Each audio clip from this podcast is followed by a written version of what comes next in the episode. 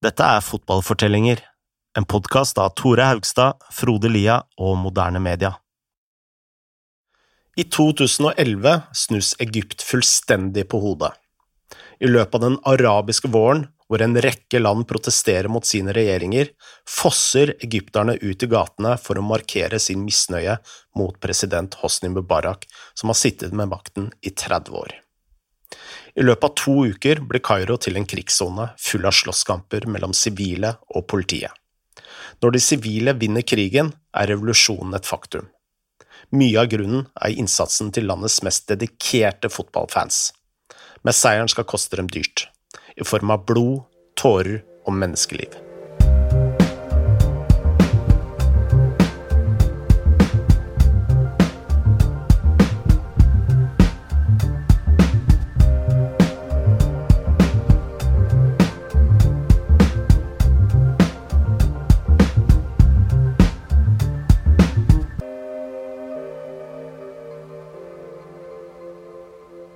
For eh, mange politiske analytikere begynte den egyptiske revolusjonen i starten av 2011. Men eh, om man ser på drivkraften bak protestene, så kan man eh, på en måte si at den startet i 2007. Og det er da at egyptisk fotball får sin første såkalte ultrasgruppe. Og vi vet jo alle hva ultrasgrupper gjør, altså de synger, eh, pisker opp stemningen og lager show med bannere, flagg og eh, pyro. Og eh, det mest spesielle med dette var jo egentlig at de ikke hadde kommet til Egypt før. Um, man trenger jo ikke vite så veldig mye om fotballhistorie for å være klar over at ultrasbevegelsen har eksistert veldig lenge i mange andre land, og da kanskje spesielt i Italia. Um, og Egypt er jo et land hvor folk er gale etter fotball. Um, vi snakker om et land med 100 millioner innbyggere. Uh, et land som har vunnet Afrikamesterskapet syv ganger. Um, ingen andre land har vunnet det mer enn fem. Så uh, det var jo litt spesielt at um, det kom så seint til Egypt. Um, men når det kom, så um, Kom det sterkt? Så kom det sterkt. ja, for det mangla jo ikke på interessen blant uh, egypterne. Uh, men det var på mange måter ingen som klarte å organisere lidenskapen, om du vil, på noe vis. Mm. mannen som skulle endre fullstendig på dette, het Amur Fami. Og han var sønnen av Mustafa Fami, som hadde vært både generalsekretær i Det afrikanske fotballforbundet og direktør i Fifa. Så han eh, har vel på mange måter ikke en sånn typisk ultras eh, eh, Eller han kommer ikke fra en sånn typisk ultras-familie, så å si. Nei. Men i tillegg til det, bestefaren hans, Morad, hadde vært blant dem som grunnla faktisk det afrikanske fotballforbundet. Så Amir var eh, en fyr med kan vi kalle det, kongelig fotballadministrasjon i blodet. ja, Det er ikke en fyr som bare kom rett ut av fengselet og begynte å starte i supportergruppe, I hvert fall. det er det ikke. Um, han hadde vært rundt i verden og studert også, godeste Amir. Um, blant annet han har vært i Milano, hvor han så hvor mektig ultrasbevegelsen var. og uh, om vi husker tilbake til den sesongen om Milan og Berlusconi, så husker vi at det kunne bli ganske, ganske ampert på tribunene der. Um, Amir hadde også henta inspirasjon fra fans i England og Serbia. Så uh, da han var i midten av 20-årene, så flytta han tilbake til Egypt og starta Ahlavi. Uh, og dette skulle bli ultrasgruppa bak Al-Arli, som er Egypts klart største og mest suksessrike klubb. Og uh, ja, for å egentlig vite hvor viktig uh, denne gruppa ble, så må vi egentlig også forstå hvor, en, hvor enorm innflytelse og hvor stor oppfølging eh, Ahlali har eh, både i Egypt og, og, verden rundt. Mange har jo beskrevet eh, Al-Hali som et slags uh, arabisk Real Madrid. Og det er vel mest det at de har vunnet uh, masse internasjonale titler som er årsaken til den sammenligningen. Altså, de har vunnet den afrikanske mesterligaen hele ni ganger, og det er jo selvsagt ingen andre lag som har, eh, har vunnet den så mange ganger. Jeg tror neste lag på lista har eh, kun vunnet eh, Mesterligaen fem ganger. Mm. I tillegg så er det jo basert i hovedstaden, Kairo. Men i likhet med Real Madrid så har de massevis av fans over hele Egypt, og faktisk er de populære over hele Afrika og Midtøsten. Ja, uh, og så har de selvfølgelig en stor rival. Uh, dette er ikke da Barcelona, men Samalek, som også er fra Kairo. Og dette gjør Kairo-derbyet til et av de aller største i den, i den arabiske verden, egentlig. White Nights. White Nights, riktig. riktig, riktig. Uh, disse to lagene altså, de dominerer jo Egypt, egyptisk fotball totalt uh, mye mye mer enn det Real Madrid og Barcelona gjør i Spania. Uh, altså, Siden den nasjonale ligaen ble oppretta i 1948, så har Alali vunnet 42 titler, og Samalek har 12. og dette er da alle titlene utenom syv. Så jeg tror Godsen er så veldig, veldig høy på at en av disse to kommer til å vinne neste år også. Men det er ikke bare fotball uh, hvor disse klubbene er store heller. Altså, Disse har lag i håndball, og basketball og bordtennis og en rekke andre idretter. Så, de, så, så vi burde heller sammenlignet med, med Barcelona? Kan, altså, de har jo de har basketlag, har de ikke det? Eller håndball? Ja, Barcelona har jo til og med rugby og ishockey. Ja, riktig, riktig. Altså, de er liksom dominante over hele fjøla, egentlig. Uh, og de har altså en så stor oppslutning da, at vi snakker her om ja, to klubber som i, er, i praksis sett er nasjonale institusjoner, kan du si. Da Amur eh, etablerte sin ultrasgruppe, visste han at den eh, kunne bidra til å organisere lidenskapen og interessen rundt eh, Al-Aili. I starten hadde gruppen bare et par hundre medlemmer, altså begynte rett og slett i det små, men vokste ekspansjonelt, er det et riktig ord å bruke? Ja. Uh, uansett, de vokste enormt raskt, og folk var leie av de offisielle fanklubbene som hadde blitt drevet av klubbene selv. De ville ha friheten til å si og oppføre og skrike og skrike seg hese. Og, og spesielt unge menn meldte seg inn i, i gruppen, og dette var et sted der de kunne høre til og treffe likesinnede, og ikke minst eh, få ut litt sinne og aggresjon. Mm, altså som en slags sånn sosial klubb, kan du si. Ungdomsklubb? Eh, ungdomsklubb, eh, rett og slett. Eh, og snart hadde Halawi flere titalls tusen medlemmer. og andre klubber så jo selvfølgelig på dette fenomenet og begynte å stifte lignende grupper sjøl, uh, eh, som f.eks. i Samalek og Ali Smiley. Og jeg tror Samalek sin klubb heter White Nights, eller et eller annet sånt. Um, ja, det heter White Nights. Ja, ja. Um, og plutselig var jo ultrasbevegelsen over store deler av egyptisk fotball. Uh, og dette var jo veldig veldig bra for stemninga på kampene, ikke minst, og ytringsfrihet sånn internt i fotball. Men det var jo én mann i Egypt spesielt som uh, ikke var så veldig happy over dette. Ja, og da tenker jeg du tenker på Hosni Mubarak? Ja. ja. Mannen som hadde vært Egypts president siden 1981, og i utgangspunktet burde jo ikke en president ha noe spesielt imot en fotball, en gruppe fotballfans, men det er viktig å forstå hva slags lederstil Mubarak hadde. Og for å høre litt mer om eh, hvordan det var å leve i Egypt på den tiden, har vi snakket eh, rett og slett med en ekte egypter. Ja, det skulle jo bare mangle at vi gjorde det. og um, Han heter Mahmoud Khaled. Um, han støtter Halali. Uh, og han er skribent for King Foot, som er den ubestridte nettsida for egyptisk fotball på engelsk. Og Han fortalte oss om hvordan det var å bo i Egypt under Hosni Mubaraks regime.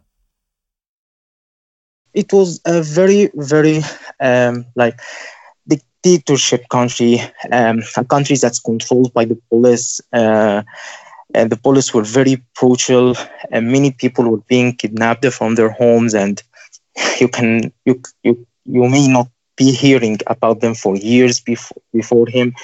Um, you are not being able uh, to have any political um, uh, opinion other than supporting him or supporting the whole regime.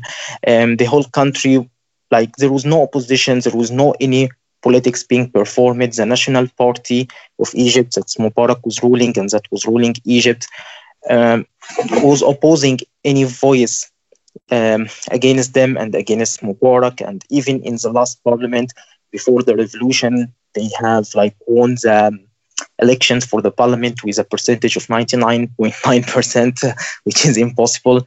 And they have um, uh, tried to like shut up any other voice that may come from the media or from any political power present against them. so no, it was not the, the best of times. And of course, like with how poverty was increasing, how the infrastructure of Egypt was not being, was getting worse and worse. Um, uh, like you can say, uh, the percentage of illiteracy was increasing. Uh, the percentage of workless people in Egypt was increasing. There was a massive gap in Egypt between um, people. So uh, and all, the whole country as well was being prepared to be like hired for uh, Hosni Mubarak's son Gamal, who was also like the second man in the national party. Um, he it was also it was all prepared for him to be the next president after him. So it was not the best actually.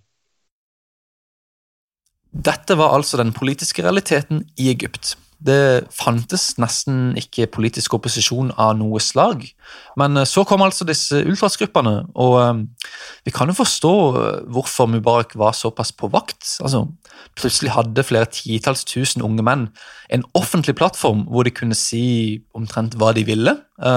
Kampene gikk på TV, og alle hørte hva de sa.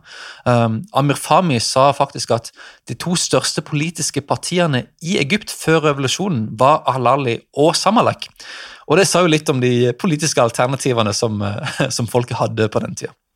Eh, I starten var jo ikke ultrasgruppene spesielt eh, politiske. Altså de holdt på sånn som vanlige ultras nær sagt ja. holdt på med. Det var ikke det som var poenget liksom, med å starte det. Nei, og jeg kan jo bare legge til en liten ting. Det som var veldig imponerende med, med Al-Aili og White Nights til Samalek, det var jo at Altså, når de sto på tribunen, så hadde de jo uh, Altså, de hadde en uh, koreografert uh, måte å stå på som var innøvd. Altså, de hadde rett og slett treninger hvor de innøvde spesielle moves.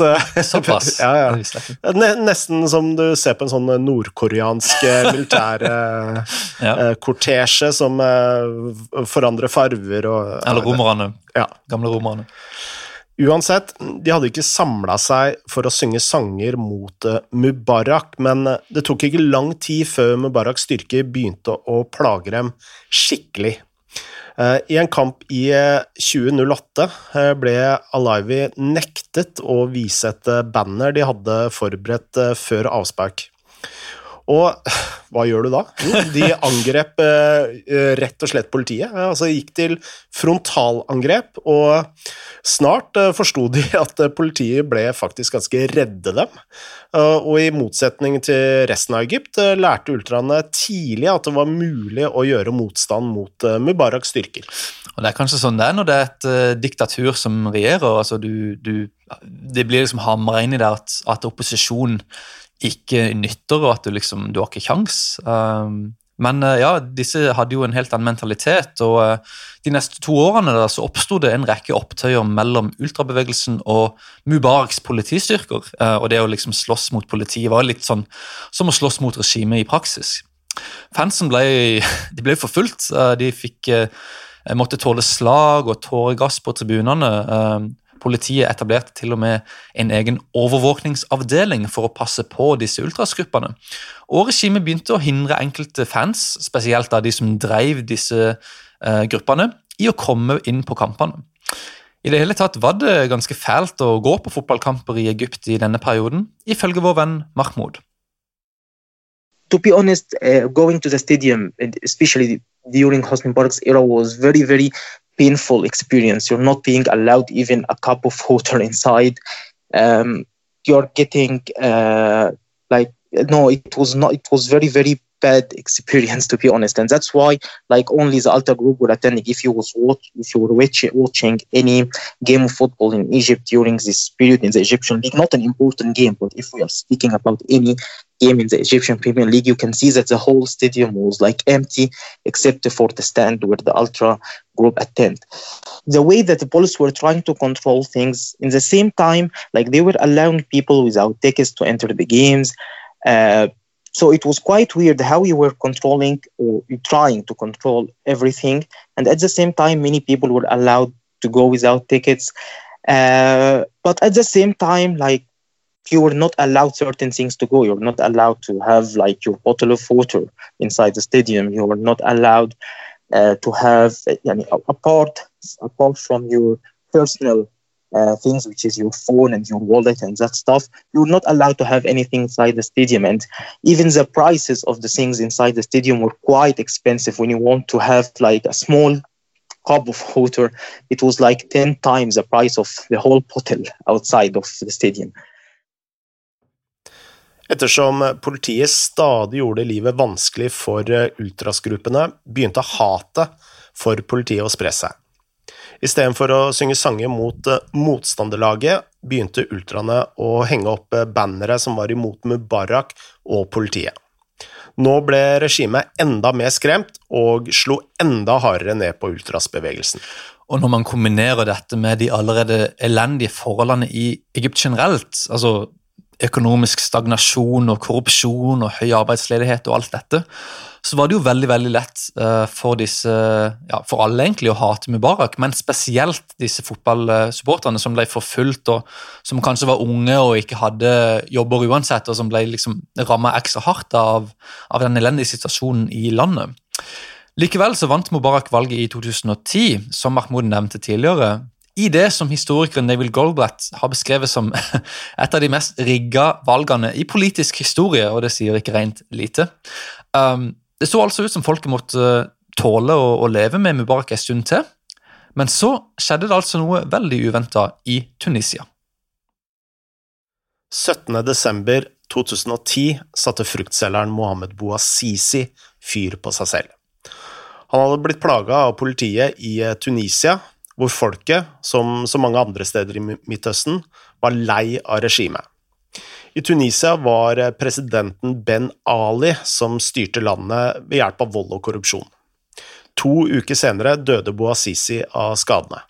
Misnøya med regjeringa var allerede så stor i Tunisia at hendelsen utløste en flod av protester over hele landet. Uh, altså, Hele byer her slåss jo mot politistyrkene.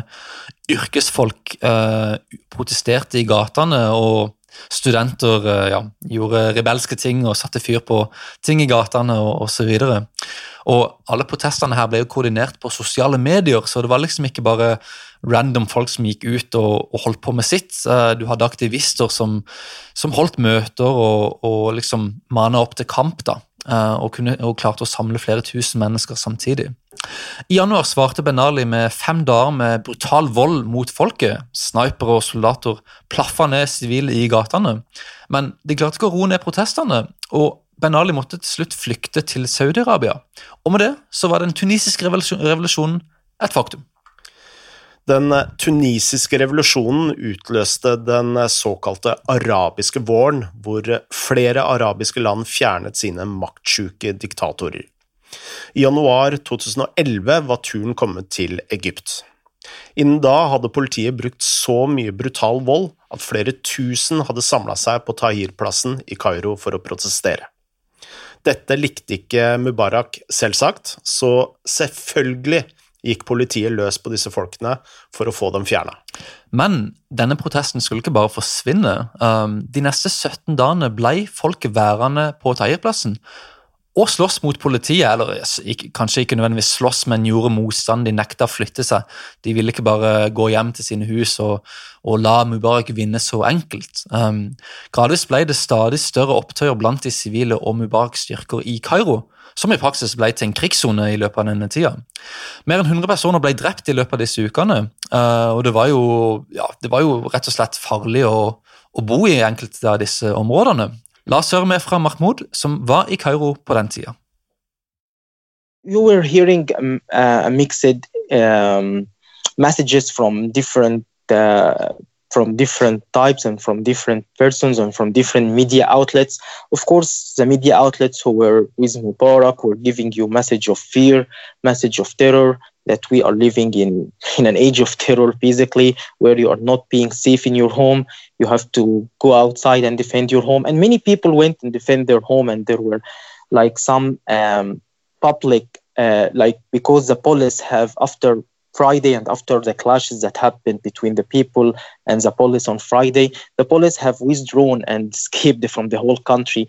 And the prisons were opened, and they began to send some message of fear and some message of terror that we are not, we have withdrawn from the country, and now you should be dealing. And this leads to an army to get into the country and start to try to defend this country, defend the country, and send the people some images, some messages of safe and support.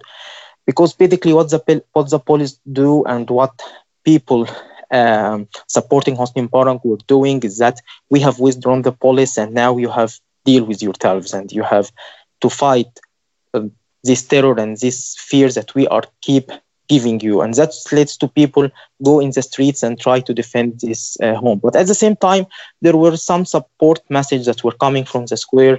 People are standing uh, people are fighting uh, 18 days?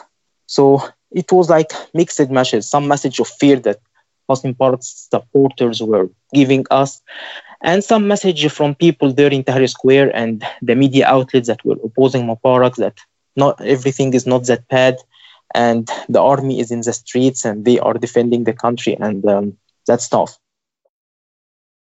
Midt oppi all den volden var det ultraene som eh, stupte inn med hodet først. For eh, det vi må huske her, er at eh, fotballfansen var de eneste som faktisk var vant til å slåss mot politiet. De hadde kjempa mot uh, tåregass og andre knep på tribunen, så de var ikke redde da Mubaraks styrker rykka inn. Og Egentlig hadde ikke disse ultrasgruppene koordinert noen form for felles motstand mot Mubarak. Um, altså, ikke sant, var De var jo de representerte ulike fotballag, og det var liksom ikke noen sånn felles organisasjon som, som, representerte alle disse gruppene samtidig. Nei, Det var ikke noe innkalling på Zoom og Nei, det var ikke det. Men ettersom fansen liksom fant hverandre i gatene i Kairo og liksom innså at de var på samme lag her, så begynte de å, å eh, samarbeide, selv om de var erkerivaler på banen. Og snart kunne man høre folk synge fotballsanger og, og, og sånne ting i Kairos gater. David Goldblatt siterer eh, en av sangene som dette, og dette er da Ahlalis fans som, som synger. De sier 'Regimet, dere bør frykte oss'. Vi kommer i kveld med store planer. Al-Alis supportere vil sette alt i fyr og flamme. Gud vil gi oss seieren. Kom igjen, hooligans. James Montague, som vi snakket med i sesong to, har skrevet at det var opp mot 15 000 Ultras-medlemmer samlet på Tahir-plassen. Visstnok skal Fami ha fortalt Montagu at det var aktivistene, Det muslimske brorskapet og ultrasene som tok eh, knekken på Mubarak. Uansett, den 11. februar gikk Mubarak av. Det betydde at diktatoren var borte, folket hadde vunnet, og ultraene hadde slått politiet. Supporterne trodde nå at de endelig skulle få være i fred. Det skulle vise seg å være fullstendig feil.